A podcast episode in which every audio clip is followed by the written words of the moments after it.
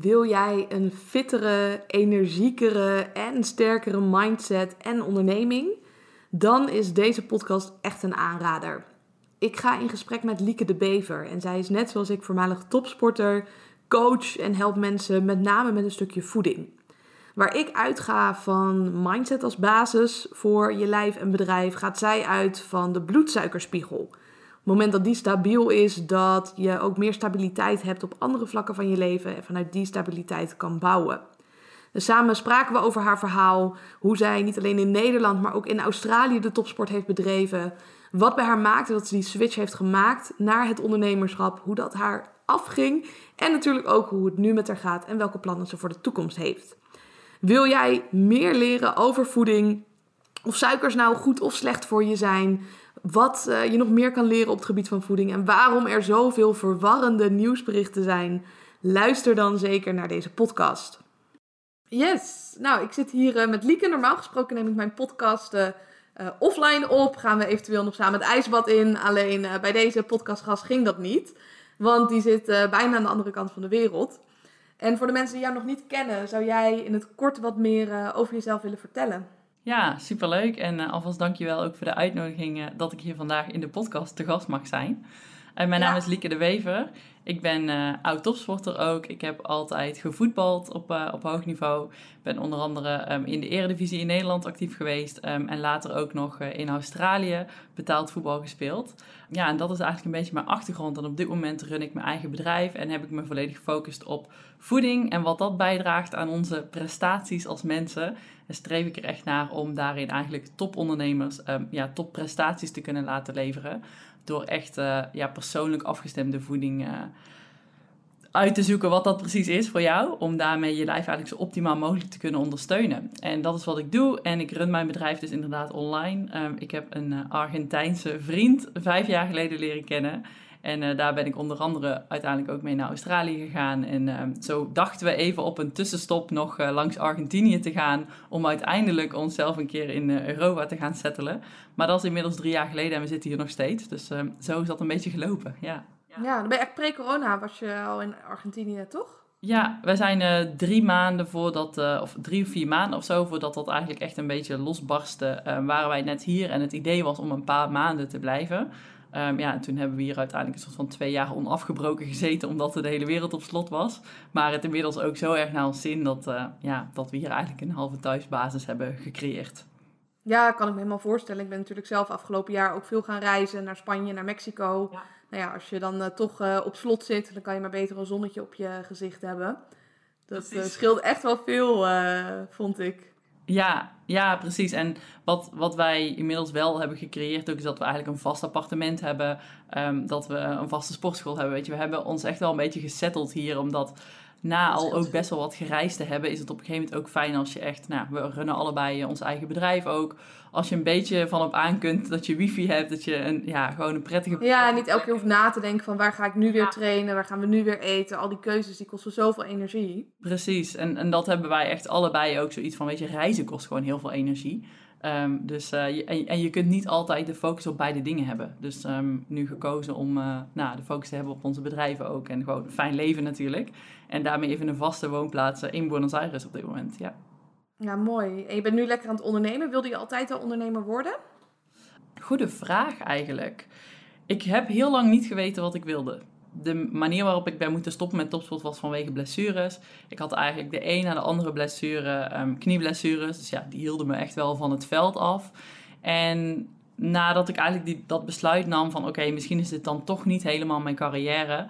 Uh, ja, moest ik dus wat anders gaan verzinnen. En ik kan echt wel vertellen dat ik in het zwarte gat ben gevallen in die periode die daarop volgde. Um, ik was mentaal nog helemaal niet klaar met de topsport. Sterker nog, ik zat er eigenlijk vol in. Uh, maar ik moest ineens in een soort van het normale leven ja, mijn weg gaan vinden. En ik voelde me echt iemand die gewoon misplaatst was in de maatschappij. Ik dacht, ik ben veel te overgemotiveerd om hier een gemiddeld leven te gaan leiden met een soort van gemiddeld carrièrepad waarin ja, toch een beetje van maandag tot vrijdag van 9 tot 5 op mijn kantoor en dan het weekend dan begint het leven of zo. Nou, ik, ik wist echt niet wat ik met mezelf aan moest op dat moment. En ik, ik was heel erg aan het zoeken. Dat heeft best wel een paar jaar geduurd. Um, totdat ik uiteindelijk tijdens het afronden van mijn master... want ik dacht, nou, ik ga in ieder geval mijn studies eh, afronden... en misschien haal ik daar ook nog wel wat meer plezier uit. Dat was het overigens niet. Maar goed, ik heb wel mijn titels gehaald. ja. En toen uh, ben ik aan de slag gegaan, eigenlijk tijdens nog het afstuderen van mijn master, al um, als voedingsdeskundige in een bedrijf. En dat was een bedrijf wat best wel ook een beetje op fitness gericht was. En daarin mensen eigenlijk helpen met de beste prestaties. En daarin vielen ineens een aantal puzzelstukjes op hun plek. En toen dacht ik, hey, dit is interessant. Dit werk vind ik fantastisch om te doen. Uh, maar ik was eigenlijk na zes maanden dat bedrijf al wel een beetje ontgroeid. Want ik dacht, oké, ik ken het kunstje hier nu wel. Maar ik was in ieder geval blij dat er iets voor mij op zijn plek was gevallen. En dat was het moment dat eigenlijk het zaadje is geplant. Dat ik dacht, maar dan kan ik dit eigenlijk ook wel voor mezelf doen. En dan kan ik eigenlijk echt mijn visie uitdragen. Ja, uh, en toen wist ik al, ik moet ondernemer worden. Ja. ja. ja. En je zei van, nou ja, na de topsport viel ik eigenlijk een beetje in een gat. Hoe zagen je dagen er toen uit? Nou, vooral heel leeg. Daarvoor werd ik geleefd door mijn agenda. Ik, uh, voor het beeldvorming, ik woonde in de buurt van Eindhoven. Ik voetbalde bij VVV Venlo. Dus dat was volledig de andere kant op uh, naar het zuiden. En ik ging naar school in Tilburg. En dat is weer, zeg maar, voorbij Eindhoven. Dus ik pendelde de hele dag door, zeg maar, vanuit huis naar Venlo, naar Tilburg, weer naar huis. En uitwedstrijden door heel Nederland en zo. En mijn school was ook nog erop afgestemd dat ik topsport kon doen. En op het moment dat ik dus stopte met de topsport, ging ik wel nog die opleiding afmaken. Dus ik hoefde eigenlijk feitelijk niet eens heel veel aanwezig te zijn op school. En mijn hele sportagenda viel weg. Dus mijn dagen waren echt heel erg leeg. Um, en dat was ook een beetje het grootste contrast wat ik me maar kon bedenken natuurlijk. Ja, en toen ben ik dus in eerste instantie die, die opleiding afgemaakt. Toen uiteindelijk een master begonnen. Nou, daar moest ik wel iets meer voor studeren en meer voor naar school. Dus zo vulde zich dat uiteindelijk wel. Maar ik heb een aantal bijbaantjes ook versleten, wat ik echt allemaal vreselijk vond. En ik dacht, ik weet het gewoon echt niet. Nee. Ja, en we, we denken ook dat we het allemaal moeten weten. Hè? Als, als je kind bent, dan vragen ze al, wat wil je worden als je later groot bent? De meeste mensen die worden dat niet eens. Nee, precies. Ik heb altijd geroepen dat ik piloot wilde worden. Nou, kijk waar ik nu ben beland. Lijkt er niet eens op. ja, precies. Nou, ik dacht destijds dan van, nou, misschien moet ik dan maar een soort van in het leger of zo, of bij de politie, weet je, waar ik dan op die manier ook nog uitgedaagd werd. Um, uiteindelijk is het ook niet dat pad geworden, nee. Heb je dat wel geprobeerd, of? Ik heb me nooit echt um, voor die academisch aangemeld, omdat dat, ja, dat, dat was toch nog wel iets verder van echt de beslissing nemen. Het zat wel in mijn hoofd. Uh, maar ik heb me wel echt heel breed georiënteerd. Ik heb zoveel dingen naast elkaar gehouden. Um, ja, het is zeker voorbij gekomen. En als we weer een stapje terug nog gaan naar uh, de topsport. Hoe ben je daar ooit mee begonnen? Wilde je altijd al op voetbal als klein meisje? Ja, ik kwam uit een heel klein dorpje en daar had je letterlijk twee sporten die je kon doen. Uh, het was gewoon een hele kleine gemeenschap. Wij hadden niet basketbal of uh, honkbal en al dat soort dingen. Het was echt letterlijk korfbal en dat was ook niet gemixt. Dat was alleen meisjes. Um, of voetbal en dat deden de jongens. En ik dacht, ja, ik wil niet tussen de meisjes korfballen. Ik was heel stellig en ik wilde gewoon op voetbal. Dus ik ben daar eh, begonnen bij de jongens en eigenlijk altijd dus met de jongens meegevoetbald. En dan op een bepaalde leeftijd had de KNVB al in de gaten van... hé, hey, er speelt een meisje bij de jongens. Um, en dan deed je het al bovengemiddeld goed. Um, en zo is dat balletje eigenlijk letterlijk gaan rollen. Ja, ben ik uitgenodigd voor al die selectieteams. En zo is dat eigenlijk vanzelf een beetje op die manier gekomen... omdat mijn interesse daar inderdaad echt lag. Ja, dus kunnen we concluderen dat je heel veel talent had? Of? Nou, ik denk achteraf gezien dat ik oprecht ook kan zeggen... dat het niet echt mijn talent was wat me zover heeft gebracht... Uh, ja, natuurlijk heb ik balgevoel en ik kan alle sporten. En ik, ik, ik ben wel atletisch en zo. Dus ik, ik had zeker wel talent. Maar talent heeft mij niet uh, in de topsport uh, naar het hoogste niveau gebracht. Dat was wel echt mijn mentaliteit en mijn mindset. Waarom verschilde dat van de anderen? Ja, die discipline. En misschien wel mijn wilskracht om dat wat ik voor ogen had, dat ik dat wilde, dat niets mij daar vanaf zou houden om dat uh, te kunnen bereiken. En, en bereid zijn om, om alles te doen wat nodig is om dat mogelijk te maken. En ik denk ook de manier waarop ik naar mijn verplichtingen keek in mijn agenda of, of de dingen die ons verteld werden. Ik nam die gewoon aan als waarheid van onze coaches of trainers. Waar anderen soms, weet je wel, in de weerstand gingen of in de verzet. En ik begreep dat al niet zo goed. Of dan vond ze, ja, dat, dat vinden we stom. Of die waren dan heel erg in discussie dat ik dacht, hè, maar dit zijn toch de mensen die ik had heel veel ontzag voor, voor de mensen die ons trainden, voor onze coach.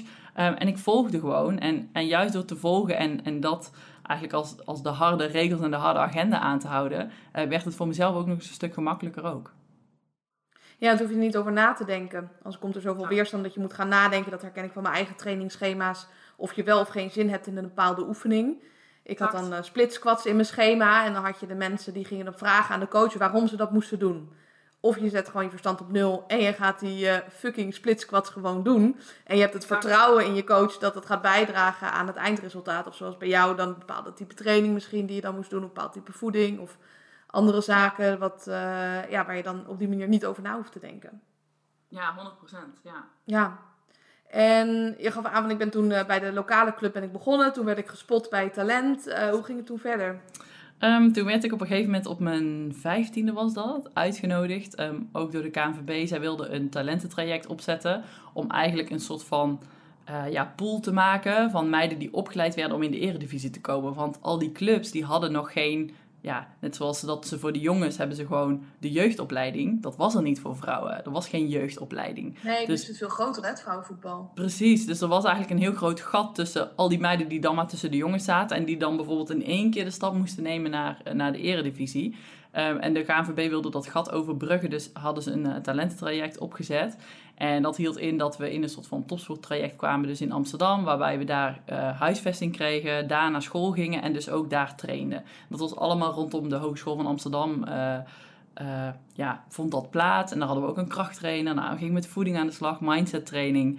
Uh, alles kwam daar samen. En dat was eigenlijk een gigantisch en bijzonder project om daar deel van uit te mogen zijn. Alleen ik weet nog letterlijk dat ik in de auto zat naar huis met mijn vader van een infoavond van, van dat project. En dat ik zei, oh ja, dat lijkt me wel wat later als ik groot ben. En toen zei hij, je moet binnen twee weken beslissen. En toen dacht ik, toen overviel de angst mij wel een beetje. Maar ben ik eigenlijk ook uh, met volle angst vooruit, heb ik die keuze gemaakt. En hij zei ook, weet je, je kunt altijd terug naar huis. Ik was toen, toen ik uiteindelijk moest verhuizen, was ik net 16 geworden. Dus toen gingen we op kamers uh, met alle meiden die van heel ver kwamen in Amsterdam. Ging ik daar mijn middelbare school afmaken, want ik zat pas in 4 VWO. Dus dat moest ook allemaal nog. Ja, dus dat was eigenlijk best wel een grote switch. En dat is uiteindelijk, ik heb dat twee jaar gedaan. dat is uiteindelijk mijn springplank geweest, daadwerkelijk naar de eredivisie. Ja, en uh, mooi wat je ook vertelt in je verhaal van een heleboel mensen die maken pas een keuze als ze er 100% zeker van zijn. Maar uh, met, met volle angst heb je gewoon die keuze gemaakt van ik gooi het roer om en fuck it, ik kan altijd weer terug als het uh, echt niks voor me is. Precies. Ja. ja. Heb je spijt van gehad? Nee, geen moment. En ik denk zelfs dat ik erop terugkijk dat het de twee beste jaren van mijn leven zijn geweest.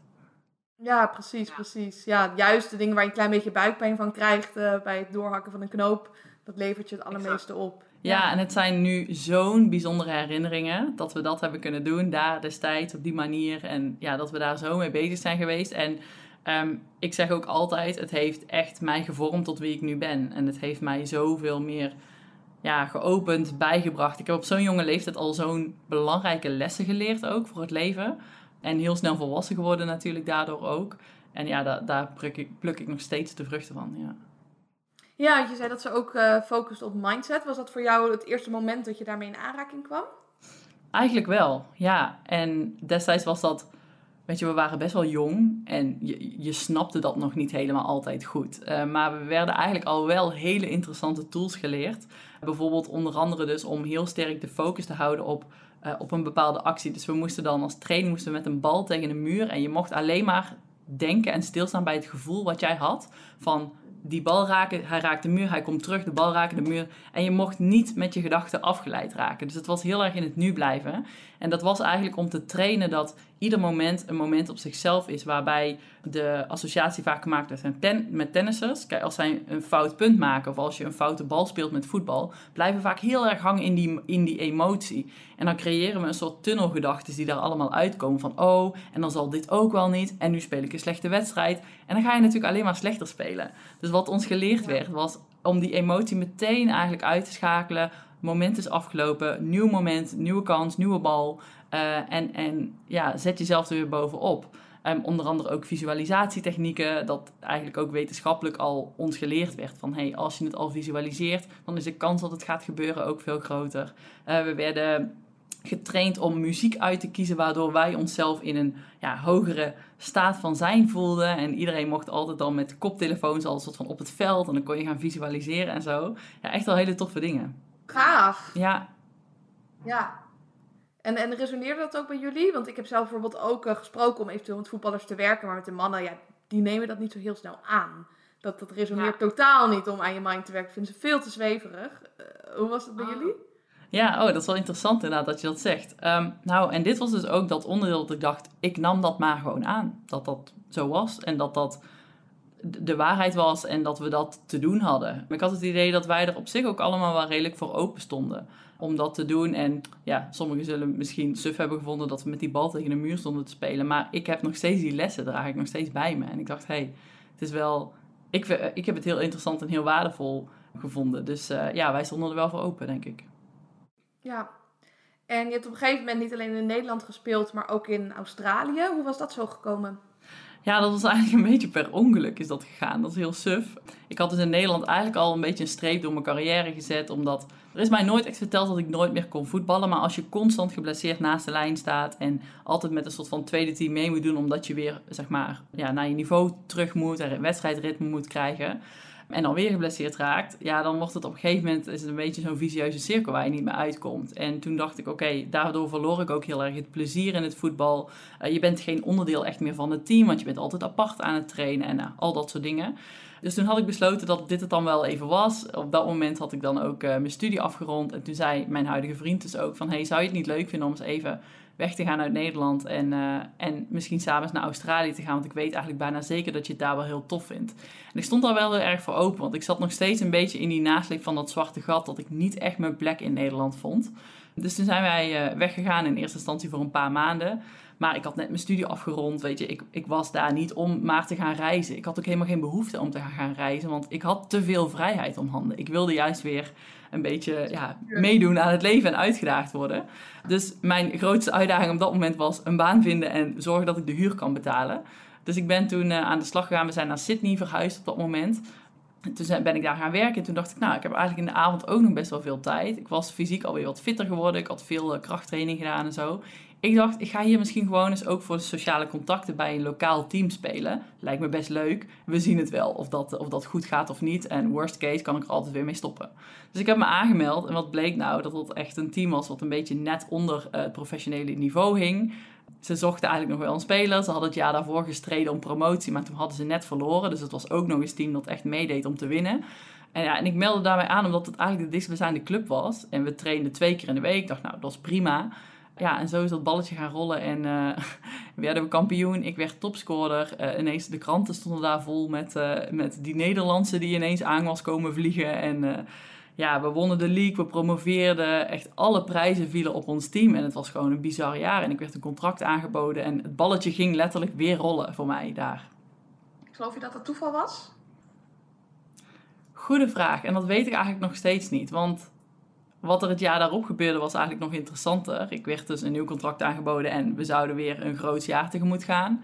En in de vierde wedstrijd van het nieuwe seizoen scheurde ik me voor de voorste kruisband van mijn rechterknie af. En dat was eigenlijk mijn grootste blessure ooit, dat dat gebeurde.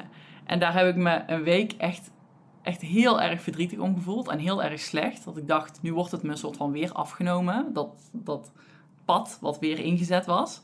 Maar toen heb ik bedacht, oké, volgens mij, het zaadje van mijn eigen onderneming was toen al geplant. En ik was daar al heel veel mee bezig en over na aan denken. En ik dacht, volgens mij is dit een redirection dat, die ik te maken heb. Volgens mij is het niet de bedoeling dat ik in de topsport verder blijf gaan. Ehm, dus of het toeval is geweest, weet ik nog steeds niet. Maar dat, ik denk dat dat de les eruit is geweest. Ja, misschien was jouw purpose op dat moment wel om dat team weer naar de top te brengen. En was jouw missie daar geslaagd en kon jij door naar het volgende. Exact, ja. En het heeft me ook weer prachtige herinneringen gebracht. En een fantastisch jaar daar. En ja, ik had het echt weer niet willen missen. Dus het heeft me ongetwijfeld heel veel goed gebracht. Uh, maar uh, ja, het heeft me ook weer een heel duidelijke richting gegeven. Van oké, niet weer die kant op. Ja, en, en ook een stukje bescherming wellicht van je lijf. Dat je vandaag de dag nog steeds kan sporten. Ja, exact. En dat was ook een belofte die ik eigenlijk aan mezelf maakte daarna. Van, hey, weet je, ik kan ook weer herstellen van deze voorste kruisband. Want ik bedoel, dat overkomt de gemiddelde voetballer eh, allemaal wel een keer. En ik kan het gewoon weer gaan wagen. Maar ik heb eigenlijk een beetje aan mezelf beloofd van, ik ga vanaf nu echt op mijn gestel letten. En als het er nog een keer gebeurt, misschien nog wel heftiger. Wie weet wat dat dan voor gevolg heeft voor ook je normale leven. Ehm, en ik had in Australië echt ook alweer meer mijn plezier teruggevonden, mijn plek. Ik had weer een doel, weet je. Ik wilde dat gaan doen met voeding. En ja, ik voelde echt weer levensenergie. En ik dacht, dat gaat mij niet gebeuren. Dat ik straks niet, uh, niet eens meer kan, uh, ik noem wat, hardlopen of zo, of kan wandelen. Ja, precies. Of dat je met krukken moet lopen, dat je niet meer mobiel nou, bent en niet meer de dingen kan doen die je graag wil doen.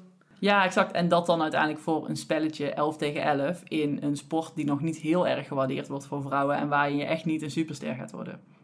Op enkele uitzonderingen daar gelaten. Ja, ik had hetzelfde in het powerlift op een gegeven moment. Daar zit overbelasting uh, heel erg uh, wat op de loer ligt.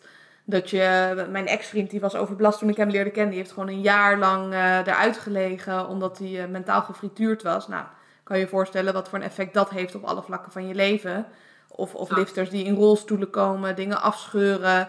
Dus uh, ik had zelfs iets van, nou, ik vind het leuk om een keertje kampioen te worden. En daarna is het mooi geweest. Ik uh, train liever voor het leven dan uh, voor die gouden exact, medaille. Ja, ja super mooi. En, en dat is het precies. Ja. En je zei van toen waren wel de eerste zaakjes al voor mijn onderneming gepland. Hoe ben jij begonnen? Ja, ik was op dat moment, ik zat daar dus letterlijk op de bank in Sydney, op 13 hoog in ons appartement. Ik kon niet lopen op dat moment, omdat de schade best wel dusdanig was. En ik dacht, oké, wat ga ik nu doen? Ik werkte in een café destijds als barista. Dat, dat viel dus helemaal weg. Mijn voetbal viel weg. Mijn hele sociale leven viel weg. En ik zat daar, ik dacht, oké, het is nu of nooit. En dit is eigenlijk het perfecte moment, want op de bank zitten moet ik nu toch. Je had niks te verliezen. Nee, nee, letterlijk niet. En ik had ook nog, daar geloof ik dus ook in dat dat geen toeval was. Ik wilde Eén ding voelde ik heel sterk en dat was ik wil nog niet naar huis. Ik wil nog niet terug naar Nederland nu. Want het is heel makkelijk om dan gewoon een vliegtuig te nemen en terug naar papa en mama en veilig en zo. Maar ik dacht nee, het, is, het leven is hier nog te leuk voor mij. En alle avonturen die ik hier heb beleefd, ik wil hier nog niet weg. Uh, mijn visa was twee jaar en dat was op dat moment anderhalf jaar. Dus ik dacht ik heb nog zes maanden. En ik kreeg omdat ik dus een contract had, had ik recht op een of andere verzekering. En wat bleek nu, die coverde dan zoveel procent van een bepaald inkomen wat ik ooit een keer had daar verdiend. En dat was precies de prijs van de huur. Dus ik dacht, mijn huurkosten zijn gedekt. En eigenlijk hoef ik dan alleen maar te zorgen dat ik kan eten. Nou, ik had wat spaargeld en zo. Dus ik dacht, dit is geen toeval dat, dat dit nu ineens op mijn pad komt. Dat ik hier recht op heb. Dus ik dacht, ik ga deze zes maanden hier uh, uitzitten, soort van. Um, en ik ga hier uh, ja, verder bouwen aan dat wat ik echt voor ogen heb en, en wat mij verder gaat brengen. En toen had ik eigenlijk ook al wel vrij snel in de gaten dat ik dacht, ja, hoe begin je eigenlijk met een bedrijf bouwen? Ik had geen Leer je niet hè, van je ouders als, uh, als je niet uit een ondernemingsgezin komt? Nee, ja, mijn vader is toevallig wel ondernemer, maar die, had, die heeft een, uh, een groente- en fruitzaak. Dus dat is dan gewoon een fysieke zaak, overgenomen van zijn vader, weet je wel. Dus ja, dat is een heel ander iets dan online coaching doen. En ik dacht, ja, hoe kom je eigenlijk aan een klant? Ik was wel al een Instagram begonnen, maar ja, dat begint ook niet ineens te rinkelen vanaf dag één dat je daar post gaat plaatsen. Zonder heel scherp doel. Ik wist wel dat ik een website nodig had, maar ik wist ook niet hoe die eruit moest zien en zo. Dus ik heb daar twee maanden denk ik een beetje mee aan zitten rommelen. En toen dacht ik, nee, dit moet anders. En toen ben ik op zoek gegaan naar, uh, naar een business coach. En dat heeft me echt uh, een gigantisch geholpen, ja. Met wie ben je toen gaan werken? Uh, in eerste instantie met Tineke Zwart destijds.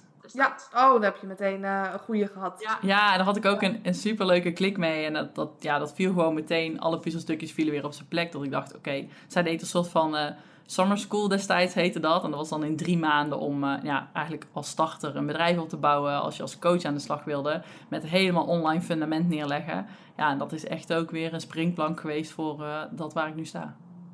Ja, en... en als iemand dit luistert, ik heb best wel veel ondernemers die dit luisteren, ook al veel startende ondernemers, die denken, nou, ik zou ook wel een bedrijf willen beginnen, maar ik heb geen idee hoe ik moet beginnen. Welke tips zou jij dan voor beginnend coaches uh, kunnen geven? Dat het heel belangrijk is dat je heel erg focust op wat jij voor ogen hebt en welke visie jij hebt. Want wat ik al zei, mijn zaadje was destijds al wel geplant. Ik had een heel duidelijke visie op voeding. Ik, ik vond het razend interessant, maar ik werd eigenlijk heel erg afgeleid en onzeker van alles wat ik online zag. En ik dacht, oh, maar die mensen hebben hun bedrijf al gevestigd. En oh, hun hebben al zo'n groot account. En, en zij praten hier allemaal over. Misschien moet ik dat ook doen. Dat heeft me echt, nou, dat heeft me zoveel tijd en energie gekost. Wat eigenlijk echt verspilde moeite is, omdat je er later achter komt dat vooral jouw stem en jouw visie zo belangrijk is. Ja, dus kijken naar je concurrenten, dat heeft helemaal niet zoveel zin. Nee, doe dat juist eigenlijk vooral niet. Blok zoveel mogelijk ruis. Dat is echt mijn tip. Ja, ja, net als in de topsport. Ik volgde dan alleen maar concurrenten rondom de wedstrijd, dat ik een beetje wist wat ze deden. Maar wellicht in het voetbal uh, dat je dat of aan de coach overlaat of helemaal niet doet. Dus het doet vooral in het ondernemen dan ook niet. Precies, nee, echt exact dat. En focus je vooral op jouw proces en hoe jij het beste kunt presteren. Um, en, en ik weet dat vaak hebben mensen eerst die fout zelf te maken om het dan te gaan ervaren dat het zo is. Maar als je nu al voelt dat dat misschien voor jou geldt, dat je denkt ook, oh, wordt zo onzeker van al die anderen die al zoveel verder zijn. Uh, vervolgens waren er ook mensen die dat naar mij schreven van, oh, maar jij hebt dit en dit en dit allemaal. Maar ik zeg, nee, ik ben ook ooit gestart waar jij start en stop met mij volgen. Ik ga niet ja. Dat, dat creëren voor jezelf. Doe dat dus de, bij deze dan nu. Ja, ik heb het ook wel eens met mijn boek, dat ik mensen aanraad om mijn boek niet te bestellen als ze al drie boeken aan het lezen zijn. En ik denk, jongens, doe het dan vooral niet. Of, of, wat jij ook zegt, volg me vooral niet als je er onzeker van wordt. Want je bent er om mensen te helpen natuurlijk, niet om ze te verwarren. Nee, precies. En, en als dat ervoor zorgt dat jouw droom daarmee vertraagd wordt of dat je daardoor onzeker wordt, um, dan moet je dat absoluut uh, ja, blokkeren en negeren. Ja. ja, en je had jezelf natuurlijk zes maanden ongeveer de tijd gegeven om daarmee te spelen. Met het idee van ondernemen natuurlijk ook in actie te komen. Um, hoe lang duurde het voor jou totdat de eerste klanten kwamen? Um, nou, het was wel grappig. Ik had, uh, dat, dat is ook een moment wat Tineke en ik, we hebben het daar nog steeds over. Ik weet nog dat Tineke een filmpje plaatste in die Facebookgroep en dat ze zei... Je gaat erachter komen dat je ideale klant daar al is waar jij al bent. Dus zorg ervoor dat je, dat je jezelf kunt pitchen, dat je weet waar je het over hebt. En, en kijk goed om je heen en, en praat tegen mensen die zich nu in jou begeven. En ze zegt, we zijn hier met ondernemers allemaal samen, dus wie weet zitten ze hier wel tussen. En ik maakte op dat moment gewoon een filmpje van mezelf, want iedereen moest zichzelf voorstellen. En ik haalde uit die groep vijf klanten die oh. allemaal met me aan de slag wilden. Ja, dus had je waarschijnlijk de investering alweer terug. Ja, nou, bijna inderdaad. Nou, destijds deed ik dat echt nog voor een habbekrats, uh, omdat ik ook nog heel onzeker was over prijzen vragen, weet je. Voor je dienst. En ik dacht, nou, ik ben al blij dat ik iemand mag helpen. Nou, dus uh, daar had ik zelf ook nog een hele weg in te gaan. Maar uh, ja, zo is dat toen eigenlijk gegaan. En daarna komt dat natuurlijk ook meer van buitenaf, omdat ik ook alweer zes maanden verder was met mijn online uh, omgeving creëren en Instagram en, en ja, zichtbaar zijn. Ja, was jouw doelgroep toen al meteen ondernemers of had je toen al een concrete doelgroep? Ja, die was eigenlijk wel ehm, ondernemers. Ehm, ik vond dat toen al heel leuk, want ja, ik was nog steeds wel die topsporter die wilde winnen. En ik wilde met mensen werken die ook wilden winnen. Um, dus dat, uh, daar heb ik me altijd wel op gericht. Uiteindelijk kwam ik erachter dat ik dacht, oké, er zijn ook gewoon wel mensen in het bedrijfsleven die gewoon mega ambitieus zijn. en dat heeft uiteindelijk mijn, uh, mijn boodschap iets meer genuanceerd naar, oké, gewoon mensen die ambitieus zijn, die het beste uit zichzelf willen halen. ja, die zich herkennen in het feit dat, dat eigenlijk steeds op voeding het net niet lukt, maar alle andere ballen wel met gemak in de lucht houden. En daarmee specificeerde ik eigenlijk al wel heel duidelijk een type mensen. En ik dacht, oké, van ja, voor hen wil ik er wel zijn. Ja, dat is eigenlijk op die manier altijd wel uh, ondernemers geweest, ja. Ja, en waarin zie je dat ondernemers zichzelf saboteren op het gebied van voeding? Omdat ze toch denken dat het een ondergeschikt belang heeft in het hele totaalplaatje. We zijn zo geneigd om toch nog maar even wat extra uurtjes te knallen. En dat gaat dan vaak ten koste van jouw headspace om nog na te kunnen denken over eten. En toch maar even snel, want je voelt gewoon vaak genoeg, eerlijk gezegd op korte termijn, niet de gevolgen uh, van wat het doet voor jouw lichaam. En we trekken vaak pas aan de bel als er echt iets mis is. Maar dan is het eigenlijk al te laat. Ja, dat herken jij natuurlijk ook als geen ander. En, uh, en waar jij je allemaal hard voor maakt. Van hey, um, je doet het voor preventie en niet als je al ziek bent. Want dan is het eigenlijk al te laat. Ja, en dan kan iemand helpen van een onvoldoende naar net aan voldoende, maar niet van die 6 naar die 9 of die 10. Exact, ja. En dan ga je symptomen bestrijden waarbij je de oorzaak misschien, ja, dat je dat gewoon niet meer op kunt lossen. Dus ja, daarvoor zie ik dus dat ondernemers eigenlijk vaak de urgentie nog niet helemaal zien om het nu te gaan doen. Terwijl langzaam maar zeker vindt er wel een beetje een, een verschuiving plaats met dat iedereen zich toch ook wel realiseert van... oh, ik voel me eigenlijk toch ook wel beter als ik er meer mee bezig ben... en als ik beter de tijd neem. En ja, daarvoor is vaak gewoon wat meer accountability ook nodig. Van, hey, ik committeer mezelf hier nu aan, ik ga dit doen. Ik vind dit belangrijk en ik zie de waarde van dit onderdeel ook op mijn bedrijf bijvoorbeeld. En dan, uh, ja, dan, dan zie je dat 1 en 1 3 wordt. Ja, want wat is voor jou het grotere plaatje? Wat is de reden dat jij doet wat je doet binnen je bedrijf? Ik vind het gewoon onwijs tof om mensen in staat te stellen om zich op dagelijkse Ah, basis gewoon goed te voelen en in controle over, over hun zaken. Nou, met name dus voeding. Ik vind voeding mega interessant. Ik ben eigenlijk echt wel een beetje een voedingsnerd. En, en gewoon dat hele proces in ons lijf vond ik echt bizar interessant. Dus ik wist gewoon van, hé, hey, voeding doet zoveel met hoe je je voelt en, en wat je op dagelijkse basis kunt bieden. En dat maakte dat ik dacht, oké, ik wil op dit stuk kunnen ondersteunen. Um, in de hele reis die mensen maken en alle prioriteiten die ze in hun leven hebben. Want ik weet gewoon dat voeding aan de basis ligt. En voeding bepaalt uiteindelijk ook natuurlijk voor een groot deel hoe je je voelt, maar ook hoe je eruit ziet. En dat bepaalt weer voor een heel groot deel ook je eigen waarde. Dus het hoeft niet te betekenen dat je echt te zwaar wordt. Maar je weet zelf wel, als je niet goed genoeg voor jezelf zorgt, dat het net even allemaal niet zo lekker zit. En dat het... Kan ook zijn dat je vergeten eten of de producten eet waardoor je opgeblazen raakt. Exact. En, en het representeert dan eigenlijk best wel gewoon een beetje dat je ja, gewoon niet helemaal in je hum bent, zeg maar. En je lijf laat dat ook zien. En ja, daar voel je je gewoon niet goed bij. Dus ik weet gewoon dat als je daar aandacht aan besteedt, dat en dat heeft gewoon een domino-effect op alle andere vlakken. Want ja, dan ga je jezelf verzekerder voelen. Kom je anders voor de dag? Heb je een andere energie bij je? Voel je je letterlijk energieker omdat je de hele dag over voldoende energie beschikt? Ja, en dat creëert gewoon een ripple effect op alle vlakken. Ja, ik als coach heb altijd van die dingen waarvan je merkt van nou, ik zit mezelf te herhalen. Dat zijn de standaard tips die ik altijd aan mensen geef omdat ze vaak in dezelfde valkuilen trappen. Dus bijvoorbeeld iets wat ik heel vaak vertel is dat rust nemen zo belangrijk is. Hè? Want we, we jagen met z'n allen maar constant door. Wat zijn dingen op het gebied van voeding uh, die jij vaak meegeeft aan ondernemers als tips? Ja, mijn allerbelangrijkste tip is stop met suiker. Of misschien niet per se stoppen met suiker, maar in ieder geval een heel stuk minder. Suikers zijn natuurlijk echt een, een staple food geworden. Super gemakkelijk. Even die snelle suikerrijke snack in je mond, want het geeft zo snel weer die energie. En je denkt dat je daarmee weer even lekker door kunt. Uh, maar suikers zijn het meest destructieve ingrediënt wat je eigenlijk uh, kunt consumeren.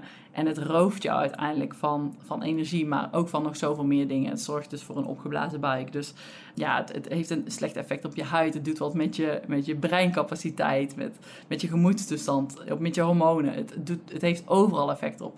Dus ja, ik strijd echt voor minder suikers en een stabielere bloedsuikerspiegel. Omdat ik gewoon vind dat dat de basis is. En tegelijkertijd zie dat daar de, de meeste mensen ja, gemak kiezen. Um, omdat het ook. Omdat ja, en als ook... je kijkt naar het product in de supermarkt. Ik probeer zoveel mogelijk dingen te eten met maar één ingrediënt. Ja, dan ben je al best wel snel klaar met boodschappen doen. Precies, dan hoef je denk ik vooraan in de supermarkt uh, het verschap. En dan kun je misschien meteen door nog even naar de vleesafdeling en dat was het dan. Um, ja. Ja, dus, en, en dat is daar onderdeel van. Weet je, de wereld waarin we op dit moment leven is erop ingericht dat we gemak creëren, snelheid en de voedings fabrikanten zien gewoon dat we als prooien vallen voor dat wat, wat zij maken. En dat creëert voor hun meer winst. En dat is een omgeving waarin je gewoon eigenlijk aangezet wordt om niet de beste versie van jezelf te kunnen zijn. En het, ja, om te overleven. Ja, het, kost moeite om de juiste keuzes te maken. Het kost discipline, want we gaan allemaal over uitgehongerd en oververmoeid die supermarkt in. En we worden gebombardeerd met alles wat er kleurrijk, lekker en, en crunchy uitziet. Um, en dat is wat er mee naar huis gaat. En, en uiteindelijk thuis baal je ervan dat je al die soort dingen hebt gegeten. Het is oprecht ontzettend moeilijk om de juiste dingen te kiezen. En daarom um, leef ik ook echt en, en streef ik naar de quote: The more disciplined your environment is, the less disciplined you need to be. Dus het begint echt allemaal bij de juiste keuze maken van de producten die je in huis haalt. Uh, misschien wel niet naar de AHXL te gaan, maar gewoon naar de groenteboer, naar de slager, naar de bakker. En naar de pure ingrediënten. Ja, of, of ik ga zelf naar de groothandel. Of uh, om ja. misschien online boodschappen te bestellen. Dan is die verleiding toch wat minder. Dan kan je het categoriseren op basis van wat je ziet. Ja, exact. En, en daarmee bespaar je ook vaak nog heel veel tijd op die manier. En dat, uh, dat, dat maakt het dan ook gemakkelijker. Maar vooral inderdaad dat je niet aan al die verleidingen blootgesteld wordt. En dat je heel bewust kiest van oké, okay, dit heb ik allemaal nodig. Dit bestel ik en meer niet. Ja. En je zegt van ja, suiker is de grootste boeman. Zijn dat alle soorten suikers? Nee, met name toegevoegd suiker. Want fruitsuikers en natuurlijke suikers, ja, die hebben we ook nodig. En dat, dat zit ook in heel veel gezonde producten waar heel veel vitamine, mineralen en vezels in zitten. Dus dat... Uh, uh, ik hoor vaak dat mensen daardoor in de war raken. Dat als ik zeg, joh, ga lekker fruit eten. Ja. Maar dat mag toch niet? Dat is toch niet gezond? Ja, of als ik zeg, je moet minder suikers eten. Dan zeg je, ja, maar suiker zit toch overal en dan kun je ook geen fruit meer eten. Ja, nee. Het gaat dus met name om de toegevoegde suikers die inmiddels uh, in het hele supermarktenaanbod uh, verweven zijn. Maar focus je inderdaad op de, op de natuurlijke onbewerkte producten. En daar zit wat natuurlijk suiker in, maar dat komt altijd in de juiste verhoudingen van het product. Want de natuur heeft dat gemaakt. Um, en dat kan niet fout zijn voor het lichaam. Wat gebeurt er op korte termijn dus als je stopt met suiker eten? Ik weet als je stopt met koffie drinken, dan krijg je hoofdpijn. Ik eet zelf nauwelijks uh, suiker, alleen maar uh, heel veel bananen. Maar uh, als, als jij mensen begeleidt die heel veel bewerkte producten eten en ze gaan er ineens mee stoppen, wat gebeurt er dan? Ja, dan zie je in eerste instantie dat die energie vaak daalt. Omdat ze heel erg leven op die highs die suiker hun brengt. Wat hun eigenlijk een beetje over hun normale energieniveau tilt. Maar daarmee raakt het lichaam eigenlijk juist uit balans. Dus om dat in eerste instantie op te vangen, weet het lichaam eerst niet zo goed wat er gebeurt. Dus zak je even naar een soort van, oh, ik weet niet wat ik mezelf aan moet. Uh, waarna die energie veel stabieler en veel gelijkmatiger en veel beter wordt. Hoofdpijn inderdaad, is een, uh, is een heel sterke indicator ook. Velen die merken zelfs dat ze een beetje, ja, een beetje te neergeslagen zijn de eerste paar dagen. Of dat ze denken, hé, hey, het ontbreekt aan kleur in mijn dag. Ik ik heb echt wel klanten gehad en dan het over voeding dat ze zoiets hadden van ja, maar als ik geen snoepjes meer ga eten, dan is het leven echt een beetje minder leuk. Ja, nou, exact dat. En dan, dan wijs ik ze ook heel erg op van hé, hey, maar welke rol speelt eten dan in jouw leven? Weet je, ben je afhankelijk van je geluk van eten? Dan is dat ook iets om uit te zoeken op zichzelf. Um, want eten is in de basis onze brandstof. En ja, het mag jou een fijne sensatie geven en het mag lekker smaken. Maar als jij afhankelijk bent van die snacks in de dag om jouw dag een leuke dag te laten zijn, uh, dan gaat er volgens mij iets mis. Dus dat is een, uh, dat is een belangrijke daarin. Gemoedsverstand dus, zei ik. Wat meer? Ja, je merkt dus vaak inderdaad zelfs een beetje koud of rillerig. Echt een beetje wel, uh, ja, je lijf die misschien in eerste instantie een beetje grieperig aan kan voelen. Maar dat zijn allemaal eigenlijk, ja, ik zou bijna willen zeggen detox effecten. Je lijf die eigenlijk aan het opschonen is. Ja. ja. Hoe lang duurt het dan voordat ze meer energie krijgen? Want je hebt natuurlijk die 12 weken eh, programma's die jij uh, doet rondom het suikervrije eten. Is dat binnen die 12 weken wel al? Um, nee, nee, nee. Je hebt veel sneller al, uh, al in de gaten hoe, wat dat voor effect heeft. Um, op dit moment run ik binnen mijn bedrijf Topfit Suikervrij. Dat is eigenlijk mijn tweede bedrijf. Run ik 30 dagen programma's om minder suikers te eten. En dan zie je echt dat ze de eerste week, max twee weken, nodig hebben om, uh, om daar doorheen te komen. De meeste mensen één week, maar ja, iedereen reageert anders. En op sommige mensen heeft het gewoon een heel heftig effect en dan duurt het wat langer. Maar geef jezelf twee weken om daar eens eventjes doorheen te komen en dan ga je je wel beter voelen. Ja, ja. ja ik weet nog, op mijn middelbare school moesten een keer testjes doen met proeven. En dan was ik één proefpersoon en dan een jongen bij mij in de klas die ook wat dronk hij op een dag, tien blikjes cola of zo. En voor mij smaakte suiker dan heel zoet. En hij uh, nou, altijd weg alsof het een worteltje was. Ja, nou en dat is ook interessant dat je dat zegt. Want het heeft een bizar effect ook op je smaakpapillen. En het kromme is dus uiteindelijk, als je zoveel suikers eet, dan smaakt dus natuurlijke voeding ook niet meer goed. Omdat je smaakpapillen zijn eigenlijk gewend aan een hoger niveau van, van zoetigheid, van smaakbeleving. Het, het wordt eigenlijk een beetje bijna verdoofd door al die suikers. Um, en je proeft alleen maar zoet, zoeter, zoetst. Waardoor het heel lastig is om, dus als je heel veel suikers eet, om een gezond eetpatroon aan te leren. Om, dan hoor je vaak mensen zeggen, ja, ik zou wel heel graag gezond willen eten, maar ja, weet je, ik heb daar gewoon niet zoveel plezier van. Ja, is niet echt lekker. Ja, dat komt omdat je jezelf zo'n overdosis aan suikers hebt gegeten en die smaakpapillen afgestemd zijn op, op ja, die superhoge levels van suiker. Um, en je smaakpapillen eigenlijk niet echt meer proeven. En dat is ook voor mij persoonlijk echt een mega eye-opener geweest. Ja, precies. Als ik kijk naar mijn eigen enthousiasme waarmee ik fruit eet en naar de groothandel ga en allerlei lekkers haal, dat, ja, dat is niet te evenaren, denk ik, uh, met mensen die dan onwijs veel suiker eten en dat proeven en denken, nou, het smaakt eigenlijk een beetje zuur. Ja, nou, en, en, iedereen, um, zeker ook in dat programma waarin ik ze ook zelfs een heel klein weekje uh, geen fruit laat eten, om ze af te laten kicken van de zoete smaak. Nou, dan nemen ze daarna allemaal een stuk fruit. Ja, en iedereen noemt het van wauw, bizar hoe zoet het smaakt. Ik, dit zijn echt de lekkerste druiven die ik ooit heb gehad. Ja, nee, dat is, niet, dat is niet die druiven, maar dat is gewoon omdat jij afgekikt bent van die extreme zoete kick die jij elke keer aan je smaakpillen gaf. Ja, hoe ziet jouw eetpatroon er op dit moment uit? Um, persoonlijk uh, voel ik me het best op ongeveer vier maaltijden per dag. Ik... Uh, ja, misschien ook wel goed om te vertellen. Vroeger was ik dus die dame en persoon die eigenlijk altijd slank was van nature. En ik kon dus heel veel suikers eten. Want ik dacht, nou, je ziet het niet aan mijn lijf, dus kan het geen kwaad. Little did I know. Um, totdat ik dus veel meer leerde over dit onderwerp en, uh, en, en ja, over het ingrediënt suiker, wat het met je doet. Toen ben ik daaruit ook mijn eetpatronen ja, gaan veranderen en gaan verbeteren. En waar ik dus voorheen eigenlijk ieder uur, anderhalf uur honger had, kwam ik erachter van, hé, hey, dat zijn vooral die suikers geweest die dat bij mij deden. Waardoor ik constant met eten bezig was. Uh, altijd alweer aan het toeleven naar het volgende eetmoment. Ik, ja, ik had dus ook constant trek waardoor je ermee bezig bent. En best wel vermoeiend eigenlijk. Uh, terwijl toen ik dus over ben gestapt naar kwalitatieve voeding en, en geen suikers meer, kwam ik erachter van hé, hey, ik ben veel langer verzadigd van een maaltijd. Ik voel me eigenlijk veel lekkerder van die maaltijd. Ik kan er langer op vooruit en ik eet eigenlijk zelfs liever gewoon een goede grote maaltijd dat ik verzadigd ben. En dan pas weer een volgende grote maaltijd. En ik raakte zelfs een beetje verveeld van de hele tijd moeten eten. Um, dus ik dacht, uh, dat gaan we anders doen.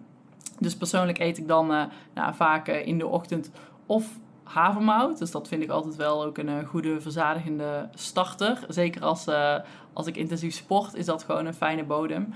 Um, of ik eet een hartig ontbijt met iets van eieren, of in ieder geval een bron van eiwitten, of avocado bijvoorbeeld op, uh, op brood.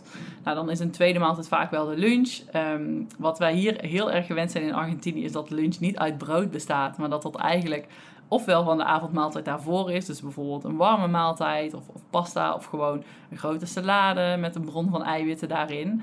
Um, brood is echt een done hier eigenlijk. Dan kijken ze echt aan van, huh, dat is toch geen lunch? Um, en dan vervolgens nog een, uh, nog een maaltijd rond de 4 of 5 uur, omdat we hier dan ook vaak weer wat later eten. En dat wissel ik meestal af van wat ik dan van ontbijt heb gehad. Ja, dan neem ik dat bijvoorbeeld, die, dat, die andere optie daarna om 3 of 4 uur middags. En dat zijn mijn maaltijden en ik voel me daardoor echt fantastisch. Is in Argentinië dan twee keer warm per dag of gewoon smiddags warm en dan s'avonds iets kleins? Ja, gemakkelijk twee keer warm, ja. Ja, maar dan ook wel niet per se de, de, dezelfde grote portie, laat ik het zo zeggen. Dan kun je wel pasta als lunch eten, maar dan neem je gewoon iets kleinere hoeveelheid.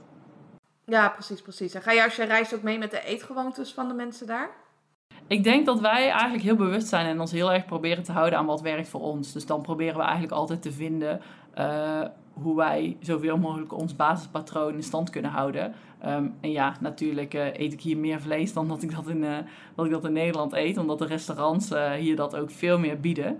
Um, dus in dat opzicht, ja, er vindt altijd wel een kleine verschuiving plaats, maar ik ga me niet helemaal aanpassen naar de eetcultuur van een ander land. Nee.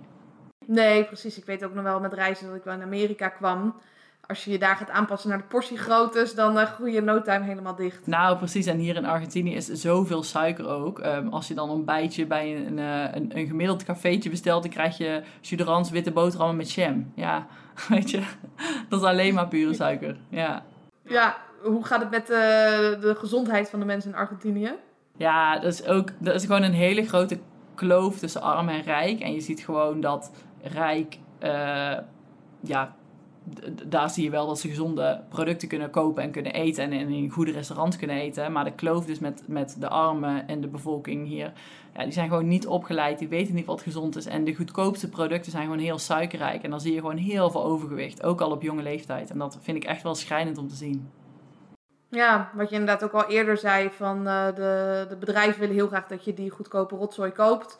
En die verpakken het zo dat je dat ook uh, gaat doen, maar het is helemaal niet het allerbeste voor jou als consument. Exact, ja. En, en dat, dat zie je hier terug. En ik denk dat dat de grootste valkuil is eigenlijk uh, wereldwijd. Dat ongezonde producten zijn gewoon goedkoop. Weet je. je kunt bijna volgens mij voor een euro een diepvriespizza kopen... waar een kilo uh, appels of een kilo fruit, weet je... Um, dat, ja, dat, dat is eigenlijk steeds duurder. Um, gelukkig uh, vindt er nu een verschuiving plaats met uh, nou, dat er minder uh, of geen BTW op fruit komt. Dus dat is een mooie eerste stap. Maar ja, het, het is gewoon bizar dat, dat, dat bewerkte fastfood voeding eigenlijk zo goedkoop is. Ja, ik heb afgelopen week een documentaire gezien en dat ging er dan ook over. Stel dat wij de prijs dan echt zouden betalen. En dan niet alleen van de fastfoodvoeding, maar ook alle kosten daarna van ziektekosten, uh, mental health, dan zou het uh, minstens drie keer zo duur zijn. En dan ineens zou waarschijnlijk iedereen wel het fruit gaan kopen. Precies, ja. Dus dat is gewoon eigenlijk... Het probleem begint daar, bij de prijs van dit soort producten, ja. Ja, omdat we als mensen zijn de, gewoon weinig discipline hebben en korte termijn gericht zijn. En we denken dan niet, oh, we kopen nu een uh, chocoladereep. Nou, nu de rest van mijn leven zal dit me het gaan kosten. We denken alleen, wat levert het nu op aan plezier? En dan denken we alleen aan het fijne moment. Ja, en ook, ik heb een euro in mijn zak, dus ik kan wel. Ja, ja, precies. En uh, fruit is onhandig vaak, of, of gezond eten kost veel tijd, of allerlei belemmerende overtuigingen. Precies, ja, nou, precies dat. Ja. En ik ben heel erg benieuwd, mijn methode gaat juist over de hele kleine stapjes, over de 1%. En bij jou stop je dan in één keer met het suiker eten. Zie jij dat mensen dat wel blijven volhouden daarna? Ehm, ja, wat ik ook heel duidelijk predik is: doe één ding tegelijkertijd. Want de meeste, of een groot deel van de mensen die zich dan bij mij melden, uh, nou, die horen over al die voordelen. En dan denken ze: oh, maar dan ga ik het wel meteen goed aanpakken. Weet je, want als ik dan begin aan zo'n programma, dan ga ik ook meer sporten. En dan ga ik intermittent fasting erbij doen. En dan ga ik. Uh, uh, koolhydraatarm eten en dan ga ik helemaal geen snacks meer eten en dan wil ik ook meteen afvallen. En dan gaan ze heel veel dingen met elkaar verweven eigenlijk en, en wordt het één grote clutter uiteindelijk. Uh, waar ik dus heel duidelijk focus van, hey, begin bij het begin en doe eerst alleen die suikers. En ja, je gaat in het begin echt ook gaten merken waar je eerst suikers at. En dat je denkt, huh, ik wil eigenlijk wat, maar ik weet niet, ik mag geen suiker eet dan juist even eerst wat anders. Om die kleine stap te maken van eerst minder suikers eten en daarna misschien ook eens een keer naar minder eetmomenten. Waarna het gevolg zal zijn dat, nou, wat ze dan nastreven. Ehm, dus ik probeer ze daar heel erg op te focussen. En ik merk dus dat heel veel mensen daar enorm veel houvast aan hebben. En ze denken, oh, dit is eigenlijk relaxed dat het zo mag van jou. Want ze beginnen allemaal, zo, ja, zoals wij dus zeggen, doe het één ding tegelijkertijd. Maar iedereen begint met een hele lijst aan dingen. En dan ga je altijd falen. Ja, ja, want dan moet je het op discipline doen en dan val je weer terug in die oude patronen. En uh, ik had toevallig net een gesprek met een van mijn klanten dat ik zei, nou, ik rem eerder mensen af dan dat ik ze aanmoedig. Omdat we dus die 200% geven. Dus ook voor de mensen die dit luisteren, wellicht uh, uh, ga suikervrij eten of misschien eens bij één maaltijd beginnen in plaats van alles in één keer aan te pakken. Exact, ja. En, en begin is bij de overduidelijke producten. Je hoeft echt niet ineens uh, alle etiketten te gaan lezen in de supermarkt en denken dat je nooit meer wat kunt eten. Nee, begin bij de dingen waarvan je sowieso weet dat er suiker in zit. Begin daar, weet je. En, en ga dan stapje voor stapje eens kijken in welke dingen jij misschien aan hartige producten gebruikt. Um, om die eens om te draaien en dan een keer naar het etiket te kijken. Om te zien wat daar misschien ook aan suikers in zit. Maar begin klein en, en ja, denk niet ineens dat, uh, dat het vanaf dag 1 perfect moet. Want je gaat ook gegarandeerd fouten maken. Dat zeg ik ook altijd. Je gaat er gegarandeerd achter komen, ook als je in mijn programma 30 dagen geen suiker gaat eten, dat je een keer een avondmaaltijd op tafel hebt gezet waar het wel in zat. Maar dan is er echt geen man overboord. Want alle momenten dat je het al niet hebt gegeten, zijn er zoveel meer winst al gehaald um, dan die ene keer dat het er nu toevallig in zit. Precies, precies. En eet jij zelf ook nog wel eens uh, suiker? Ja, zeker. En dat is ook wat ik, uh, wat ik echt predik. Weet je, mijn, mijn doel is niet dat je nooit meer suiker gaat eten, maar dat je heel bewust leert kiezen wanneer wel. En dat je er dan ook echt van geniet en dat het voor jou een, een heerlijk en een lekker moment is um, van jouw keuze. En niet omdat het maar aan je neus voorbij is gekomen en een beetje het principe van, oh, dan is vandaag toch al niet gelukt, dus dan eet ik maar even alles wat los en vast zit. En dat zie je heel veel. even op met... Uh, Want dan begin ik maandag wel weer. Ja, dus nee, um, kies juist uh, heel bewust af en toe en dat doe ik zelf ook. Ik kies gewoon heel bewust momenten, maar ik heb al stelregel voor mezelf door de week geen toegevoegde suikers. Ja, ja dus, dus doe het op basis van die structuur en niet op basis van discipline. Ja, precies. Ja. Ja, en ik ben ook heel erg benieuwd rondom het ondernemerschap. Als we kijken naar het komende jaar of de komende jaren. Waar zou jij nog zelf naartoe willen? Oeh, leuke vraag. Um, nou, ik wil echt een, uh, een gigantisch uh, platform in Nederland creëren met uh, Topfit Suikervrij. Dat is dus dat andere bedrijf wat ik run. Bij Lieke de Wever Coaching doe ik één op één coaching voor topondernemers. En dat, is, ja, dat zijn intensievere trajecten die ik gewoon zelf persoonlijk heel leuk vind om te doen. Wat mij heel veel ja, vervulling brengt en, en gewoon heel veel plezier. Um, maar daarnaast wil ik dus op een grotere schaal impact kunnen maken met meer bewustwording rondom suiker. En dat doe ik eigenlijk middels uh, dat platform. En ja, dat is wel echt uh, mijn, mijn droom eigenlijk dat, uh, ja, dat we daarmee een beweging kunnen creëren in Nederland om veel meer aandacht rondom suiker te krijgen van wat het echt met je doet en gewoon meer bewuste consumenten, want daar begint het uiteindelijk. Ja, ja heel mooi. Je hebt natuurlijk dat Ik Kies Bewust logo. Daar krijg ik, uh, gaan mijn nekharen overeind van staan. Want dan heb je een potje pindakaas en dat is light. En er staat een Ik Kies Bewust logo op. Terwijl ze het vet eruit hebben gehaald en door suiker hebben vervangen. En dan zou het ineens gezond zijn. Um, Terwijl reguliere pindakaas, uh, er staat geen logootje op. Nee, ja, dat is zo'n commercieel misleidend ding ook inderdaad. Ja, dat, gaat helemaal nergens over. En, en dan zie je dus dat dat ook weer gewoon een middel is van uh, de hele voedingsmiddelenindustrie. Om daarmee bijvoorbeeld bepaalde sales weer te kunnen boosten. Van, van uiteindelijk nog de grootste spelers op de markt die het niet het beste voor hebben met jouw gezondheid. Ja, dus eigenlijk moet er gewoon een beweging komen om meer bewustzijn te creëren. En ook de dingen die er eigenlijk zouden moeten zijn om jou bewust te maken. Dat, ja, die zijn er dus ook weer niet om jou bewust te maken. Het is moeilijk op het gebied van voeding hoor. Is het ook. En, en dat, dat snap ik ook heel erg goed. Want er is zoveel. En er is zoveel informatie. En het een spreekt het ander weer zo sterk tegen. Ehm, ja, en ik heb daarover na zitten denken ook. Uh, van wie weet moet ik wel eens een keer met een, met een label komen in de supermarkt. Voor alle producten die gewoon als onafhankelijke partij. Alle, alle producten die hoog in suikers zijn. Om daar een soort van warning op te zetten. Of juist de producten laag in suikers. Uh, om die te promoten. Van hey, dit zijn de juiste keuzes. En, uh, en onafhankelijk van welk merk wil zich bij mij aansluiten en waar verdien ik dan aan. Nee. Ja, precies.